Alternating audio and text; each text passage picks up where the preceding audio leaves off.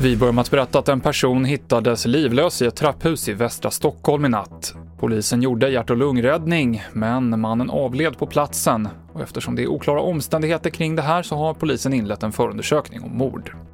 Från och med torsdag ska man ha munskydd på sig när man reser under rusningstimmarna i kollektivtrafiken. Och det är ens eget ansvar att ha med sig munskyddet. Man ska inte räkna med att företagen som kör bussar och tåg erbjuder det. Det kommer inte delas ut några munskydd på bussar eller, eller, eller eh, motsvarande utan det här kommer vara i något begränsad plats där man då kan ta del av ett munskydd.